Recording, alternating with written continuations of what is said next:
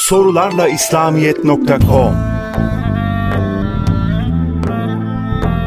Müstehcen görüntülere sebep olanlar kul hakkına girer mi?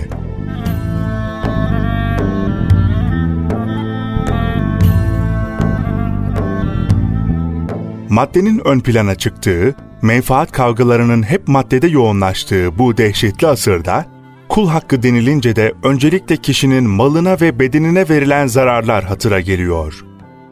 Halbuki kul hakkının en geniş ve en önemli boyutu onun manevi hukukunda kendini gösterir.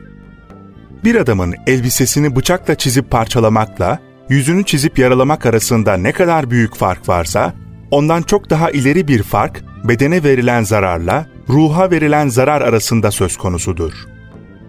Ruhun hukuku denilince önce kalbin ve aklın, daha sonra his dünyasının hukuku anlaşılır.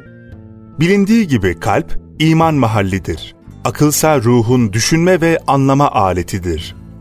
Bir insanın kalbine batıl inançları sokmaya yahut onu inançsız yapmaya yönelik her türlü gayret, kul hakkına en büyük tecavüz ve o kula yapılan en büyük zulümdür ve kalplerin iman etme hakkını çiğnemektir.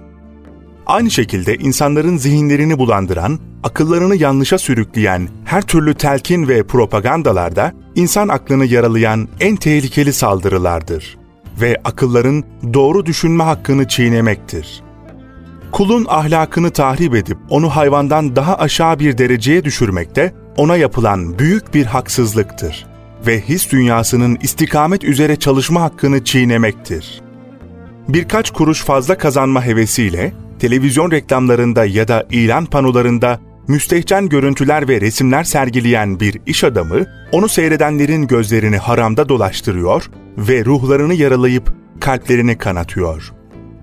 Sebep olan işleyen gibidir hükmünce, onların kazandığı günahın bir katı da o reklam sahibinin amel bilançosunun pasif kısmına yazılıyor. Bu adamın hayatının hesabını vereceği o dehşetli mahşer meydanında ve o hassas mizan safhasında uğrayacağı o büyük zararı bu kısa dünya hayatının hangi menfaati karşılayabilir?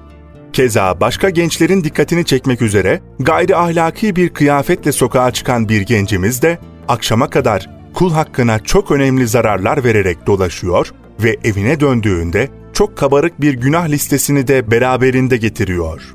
Oysa kulların ahlak binalarına verdiği bunca zarara karşılık, egoist hevesini ve hayvani hislerini kısa bir süre tatminin ötesinde kazandığı dünyevi bir menfaat de söz konusu değil.